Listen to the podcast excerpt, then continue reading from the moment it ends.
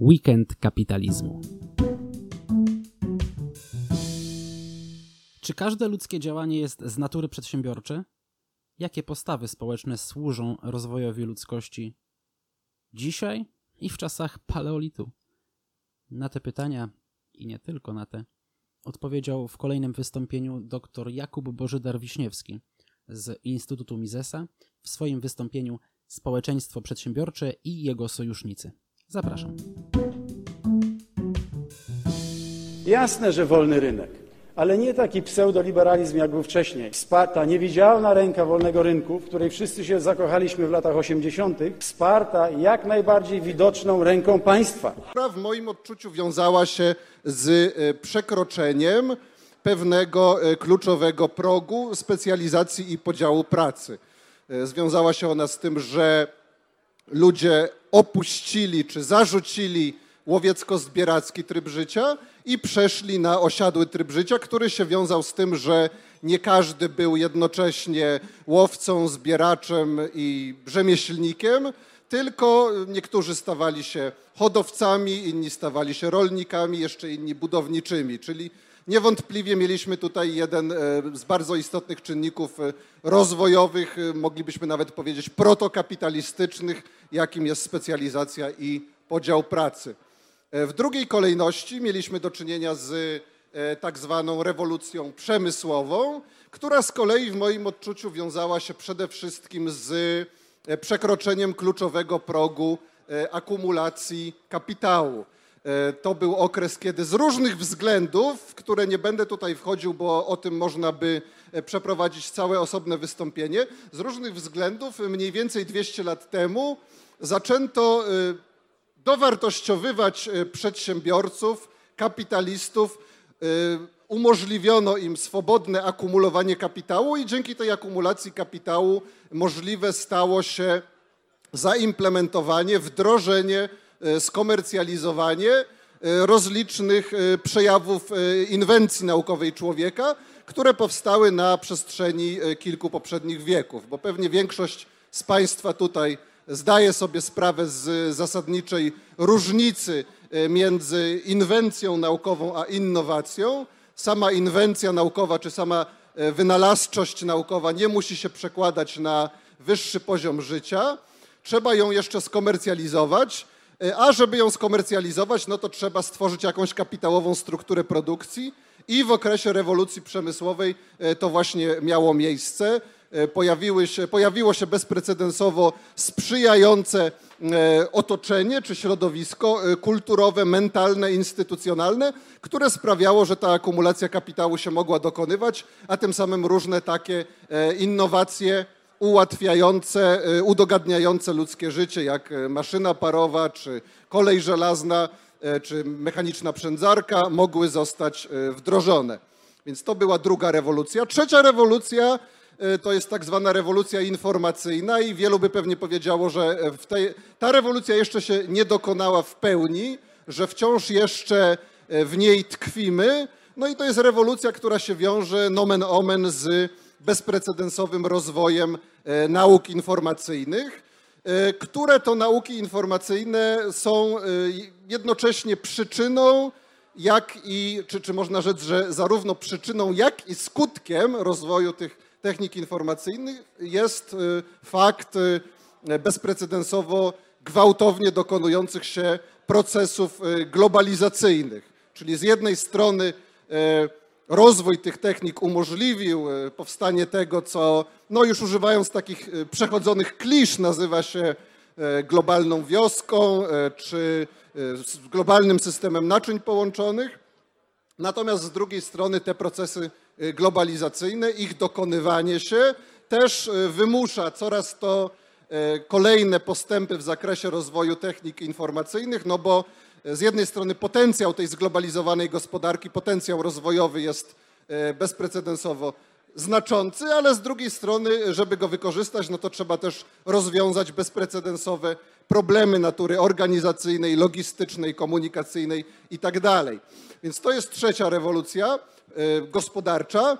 Natomiast czwarta, która być może już do pewnego stopnia się dokonuje, ale wydaje mi się, że jeszcze przed nami jest ten okres, kiedy ona rozhula czy, czy rozpędzi się na dobre, to jest właśnie coś, co ja bym nazwał rewolucją przedsiębiorczą, e, która by skutkowała powstaniem czegoś, co e, nazywam społeczeństwem przedsiębiorczym.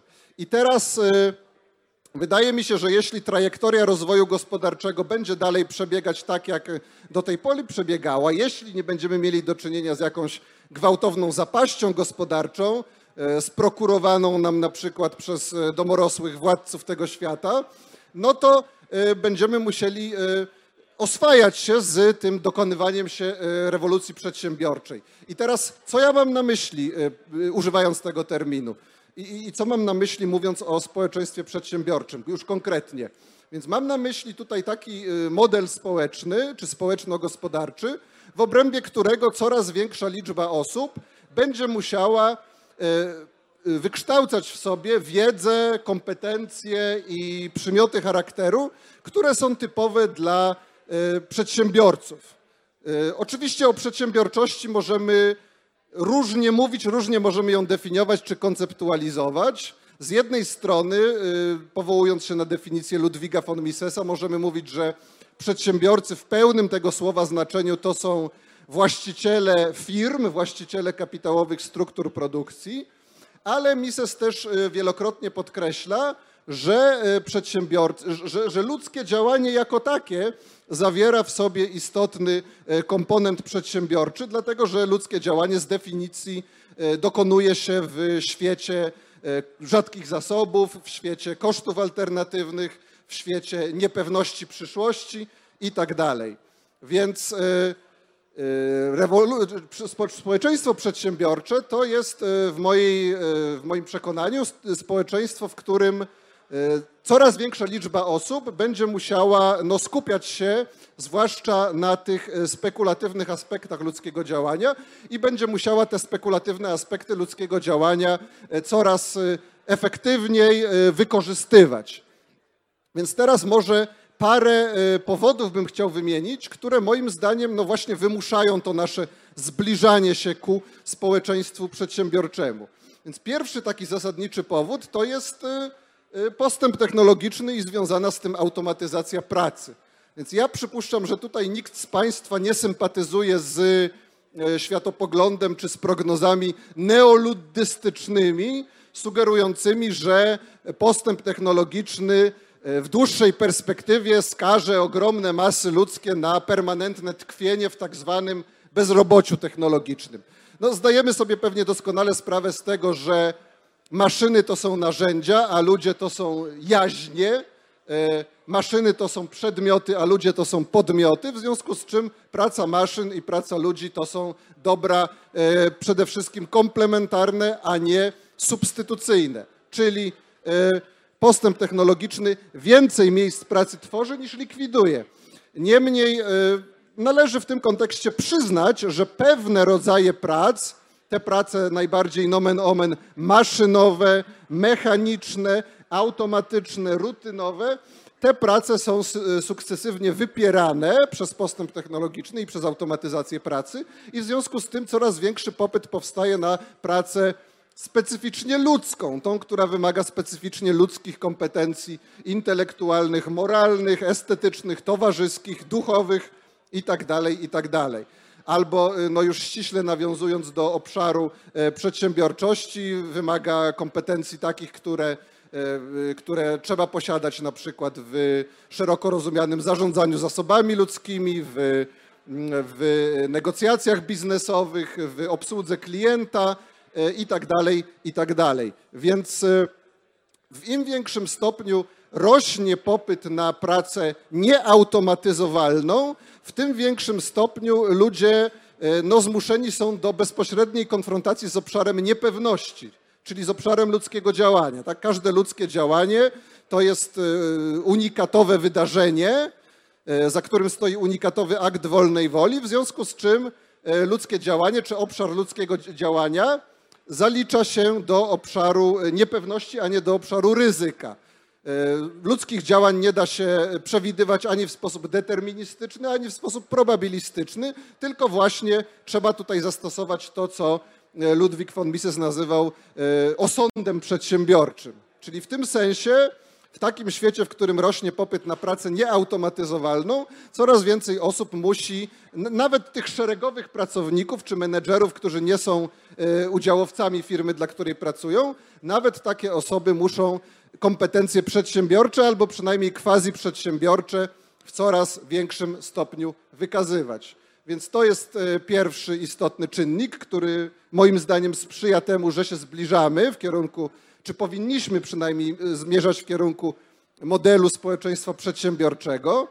Druga rzecz wiąże się z specjalizacją i podziałem pracy. Więc w momencie, gdy e, firmy stają się zbyt rozbudowane, a wiedza, którą muszą wykazywać jej pracownicy, staje się wystarczająco specjalistyczna, no to wtedy szefowie takich firm nie są w stanie rozliczać swoich pracowników z wykonanej pracy na bazie jakichkolwiek e, ściśle technicznych e, czy specjalistycznych kryteriów. E, no bo po prostu nikt nie jest w stanie być uniwersalnym omnibusem, nikt nie jest w stanie wiedzieć wszystkiego o wszystkim.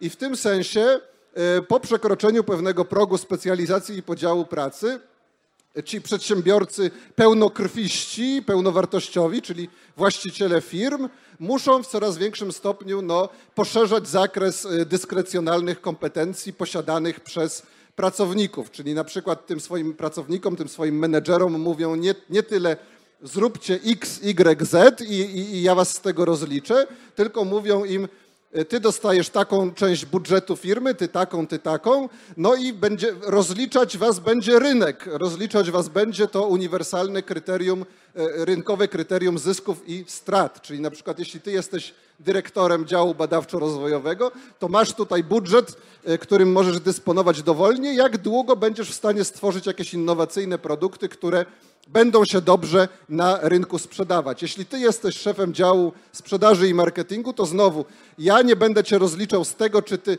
jakieś specjalistyczne e, kryteria e, spodyktowane przez sztukę marketingu spełniasz, tylko będę cię, rynek cię rozliczy z tego, czy tą e, porcję budżetu, jaką ci udzieliłem, zagospodarujesz w sposób rentowny. Więc e, w tym sensie znowu, nawet osoby, które nie są przedsiębiorcami w tym pełnym tego słowa znaczeniu, muszą stać się quasi przedsiębiorcami, muszą, muszą wykazywać e, tak zwaną przedsiębiorczość namiastkową, jak to jest nazywane w e, książce Petera Kleina i Nikolaja Fossa, wydaną przez Instytut Misesa. Wydaje mi się, że ta książka jest tutaj nawet na stoisku dostępna. Więc to jest drugi czynnik, który sprawia, że zbliżamy się, czy powinniśmy zbliżać się do modelu e, społeczeństwa przedsiębiorczego. Natomiast trzecia kwestia to jest kwestia powiązana e, z, no ogólnie z dynamizmem globalnej gospodarki. Więc e, pewnie zgodziliby się Państwo, że współczesną gospodarkę moglibyśmy charakteryzować przez pryzmat takich cech jak już wspomniany wcześniej gwałtowny postęp technologiczny, bezprecedensowa mobilność kapitału, no, bezprecedensowo często występujące kontakty międzykulturowe i tak dalej. No i to wszystko dynamizuje gospodarkę, a tym samym sprawia, że e, coraz trudniej jest e, coraz trudniej jest odnaleźć się, czy to coraz trudniej spodziewać się, że na przykład będzie się dało całą swoją karierę zawodową przepracować w jednym miejscu, w jednej firmie, w jednej profesji i tak dalej.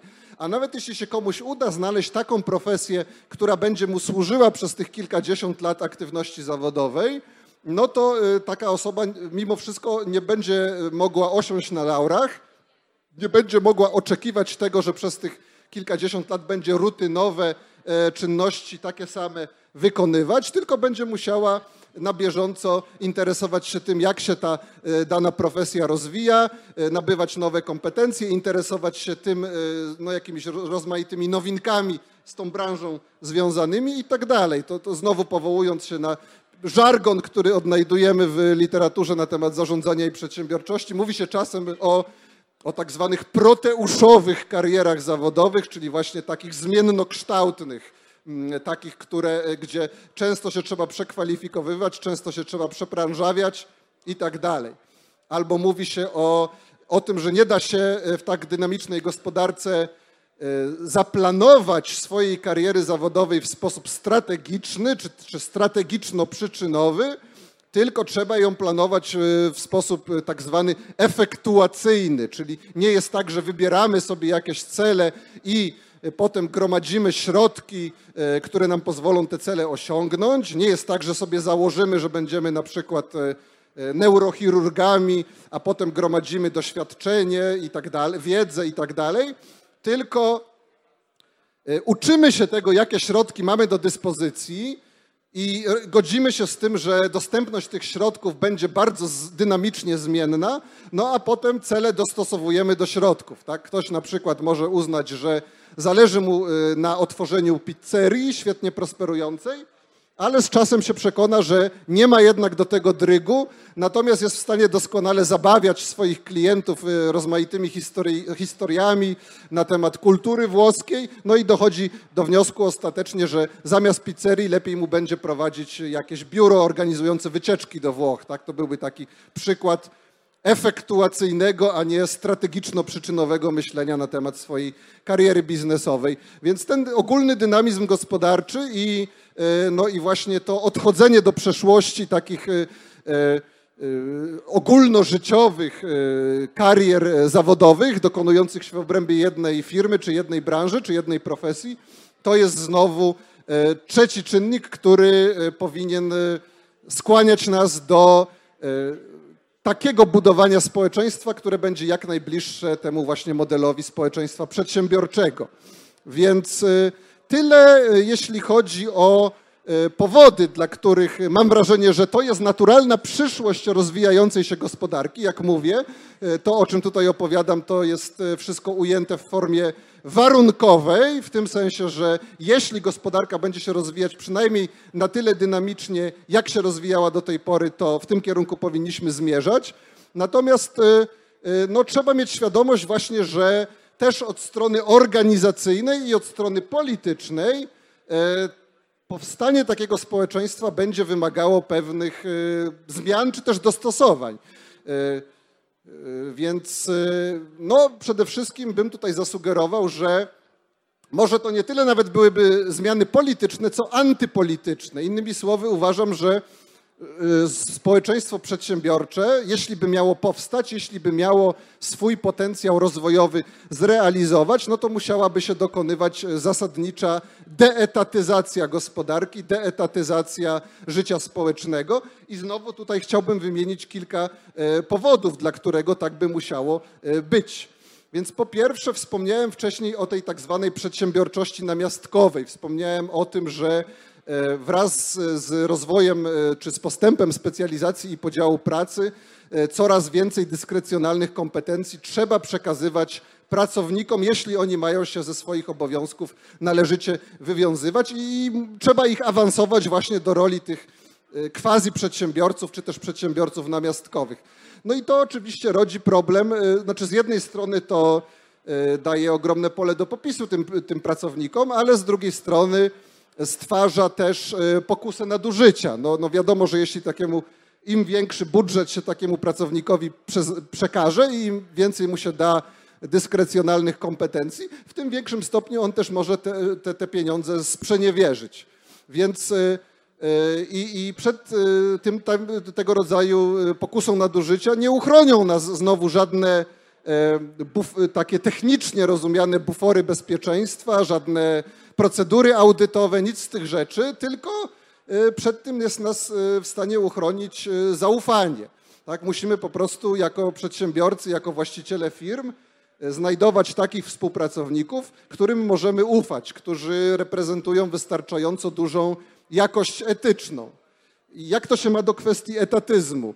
Otóż w ten sposób się to ma, że państwo, rozumiane jako monopolistyczny aparat opresji, to jest ta instytucja, która z definicji nie ufa swoim tak zwanym obywatelom. To, to jest, jeśli mówimy na przykład o podatkach, no to oczywiście propagandowym przekłamaniem jest nazywanie ich datkami, składkami, daninami i tak dlatego że to są środki odbierane pod przymusem, albo obwarowane groźbą przymusu. A jeśli kogoś się straszy przymusem, jeśli kogoś straszy się represjami, no to z definicji komuś takiemu się nie ufa. Czyli relacje etatystyczne są z definicji zbudowane na braku zaufania. E, mentalność etatystyczna z definicji y, prowadzi do erozji zaufania, a w związku z tym y, w społeczeństwie przesiąkniętym taką etatystyczną mentalnością albo w gospodarce etatystycznej nie jest w stanie się rozwinąć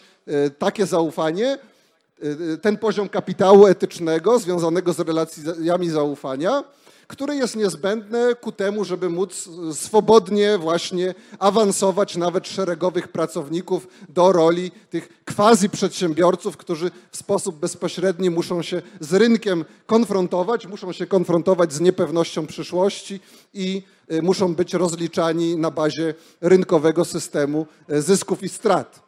Więc to jest jeden y, istotny powód, dla którego etatyzm jest całkowicie nie do pogodzenia z y, społeczeństwem przedsiębiorczym. Drugi powód związany z tym, no to jest powód, y, o którym dużo pisał Hayek. To jest powód związany z kwestiami informacyjnymi. Y, otóż proszę zwrócić uwagę, że to, co ja wcześniej mówiłem o tym, jak muszą funkcjonować firmy w społeczeństwie przedsiębiorczym, no to jest taki model, w ramach którego ten przedsiębiorca stojący na szczycie firmy nie jest de facto w stanie kontrolować wszystkich stosownych informacji, które, e, które, które, którymi e, posługują się jego e, współpracownicy, jego menedżerowie i tak dalej. Nie jest w stanie ich wszystkich scentralizować. One się, jest ich zbyt wiele, one zbyt dynamicznie się zmieniają. E, one często przyjmują charakter kontekstowy albo utajony, czyli są związane z bezpośrednimi doświadczeniami czy, czy inicjatywami podejmowanymi przez menedżerów niższego szczebla. No i w związku z tym znowu, żeby te informacje wszystkie można było skutecznie wykorzystywać, no to ci e, menedżerowie niższych szczebli e, czy, czy szeregowi pracownicy muszą mieć duże dyskrecjonalne kompetencje, muszą właśnie się zachowywać w sposób przedsiębiorczy, jeśli chodzi o zawiadywanie swoimi informacjami, tymi, którzy, które tylko oni, działając w pewnych kontekstach, mają do dyspozycji. I teraz, jeśli nawet y, w środowisku firmy przedsiębiorca, który jest de facto takim quasi centralnym planistą, musi zdać się y, na głęboko posuniętą decentralizację, delegację kompetencji itd., tak itd., tak no to tym trudniej sobie wyobrazić, żeby w takim społeczeństwie e, biuro, biurokraci, czy urzędnicy, czy politycy mogli pełnić rolę jakichś e, domorosłych e, centralnych planistów, którzy nawet nie tyle chcą zdalnie sterować gospodarką, ale chcą ją regulować, czy chcą nadawać jej jakieś mniej lub bardziej szczegółowe ramy. Tak? Czyli wydaje mi się, że tutaj ten klasyczny argument hajekowski zyskuje jeszcze dodatkową siłę w społeczeństwie przedsiębiorczym, decentralizacja, e, wysoki poziom dyskrecjonalnych kompetencji w zakresie zawiadywania informacjami, to wszystko staje się jeszcze istotniejsze, a tym samym w jeszcze większym stopniu wymusza e, deetatyzację. No bo wiadomo, że etatyzacja to jest z definicji centralizacja, monopolizacja, posługiwanie się właśnie jakimiś arbitralnymi, e, odgórnie ustalanymi procedurami, o czym z kolei wiele pisał Mises w swojej książce pod tytułem Biurokracja i tak dalej, i tak dalej. Więc to jest drugi istotny powód, dla którego etatyzm jest zupełnie nie do pogodzenia ze społeczeństwem przedsiębiorczym. A e, po trzecie, no, jeśli godzimy się z tym, że społeczeństwo przedsiębiorcze to jest takie społeczeństwo, w którym mamy do czynienia z e, bezprecedensowo dużą liczbą innowacji, no to też, żeby takie innowacje wdrażać, no to potrzebne są stosowne e, oprawy normatywno-regulacyjne, potrzebne są łady korporacyjne, na przykład w obrębie których te innowacje będzie można wdrażać. I tutaj znowu w społeczeństwie przedsiębiorcy, czym to właśnie przedsiębiorcy są tymi osobami, które muszą te łady tworzyć. Tak? Jeśli na przykład e, e, przedsiębiorcy wdrażają jakieś rozwiązania oparte na e, technologii blockchain, która jest wciąż bardzo dynamicznie rozwijającą się technologią, no to nie mogą oni oczekiwać, że to jacyś biurokraci czy politycy im powiedzą, w jaki sposób tym zarządzać. E, Zwłaszcza, że jeśli mamy do czynienia z algorytmem działającym w oparciu o rozproszone zaufanie, no to z definicji on wymusza decentralistyczną organizację, taką, która e, spontanicznie i na bieżąco się dokonuje. Albo jeśli byśmy wyobrazili sobie, że jakiś przedsiębiorca skutecznie komercjalizuje e, autonomiczne samochody, no to znowu przypuszczam, że e, to ten przedsiębiorca musiałby stworzyć odpowiednie e, takie zwyczajowe uregulowania prawne związane z tym, kto na przykład odpowiada za wypadek, jeśli taki samochód spowoduje wypadek, zwłaszcza jeśli by zaistniała duża różnorodność modeli takich e, e, autonomicznych samochodów, włączając w to takie, gdzie na przykład klient, nabywca może samodzielnie do, do pewnego stopnia programować to, jak ten samochód się w danych okolicznościach będzie zachowywał. Więc wydaje mi się, że tutaj jest kluczowa rola przedsiębiorców w zakresie tworzenia na bieżąco stosownych y, ładów y, prawno-regulacyjnych. Tutaj absolutnie nie może być mowy o tym, żeby y, to biuro, po- politycy, biurokraci, którzy y, są opieszali, którzy nie nadążają za innowacyjnością przedsiębiorczej gospodarki, mieli to wszystko spowalniać i z dużym opóźnieniem dyktować, w jaki sposób te łady regulacyjne związane z innowacyjnymi sektorami mają się przedstawiać. Więc w tym sensie społeczeństwo przedsiębiorcze myślę, że musiałoby e, w coraz większym stopniu zbliżać się do tej e, misesowsko-rodbardowskiej wizji świata złożonego z milionów e, specjalnych stref ekonomicznych, miast czarterowych, prywatnych stowarzyszeń sąsiedzkich i innych w pełni autonomicznych struktur własnościowych, e, zintegrowanych na bazie dobrowolności, kontraktowości i swobodnej konkurencji pomiędzy różnymi e, prywatnymi kodeksami prawno-regulacyjnymi tworzonymi czy to przez przedsiębiorców, czy to przez współpracujące z nimi agencje, prywatne agencje arbitrażowe, mediacyjne i tak Więc e, ta kwestia e, regulacyjno-organizacyjna i to,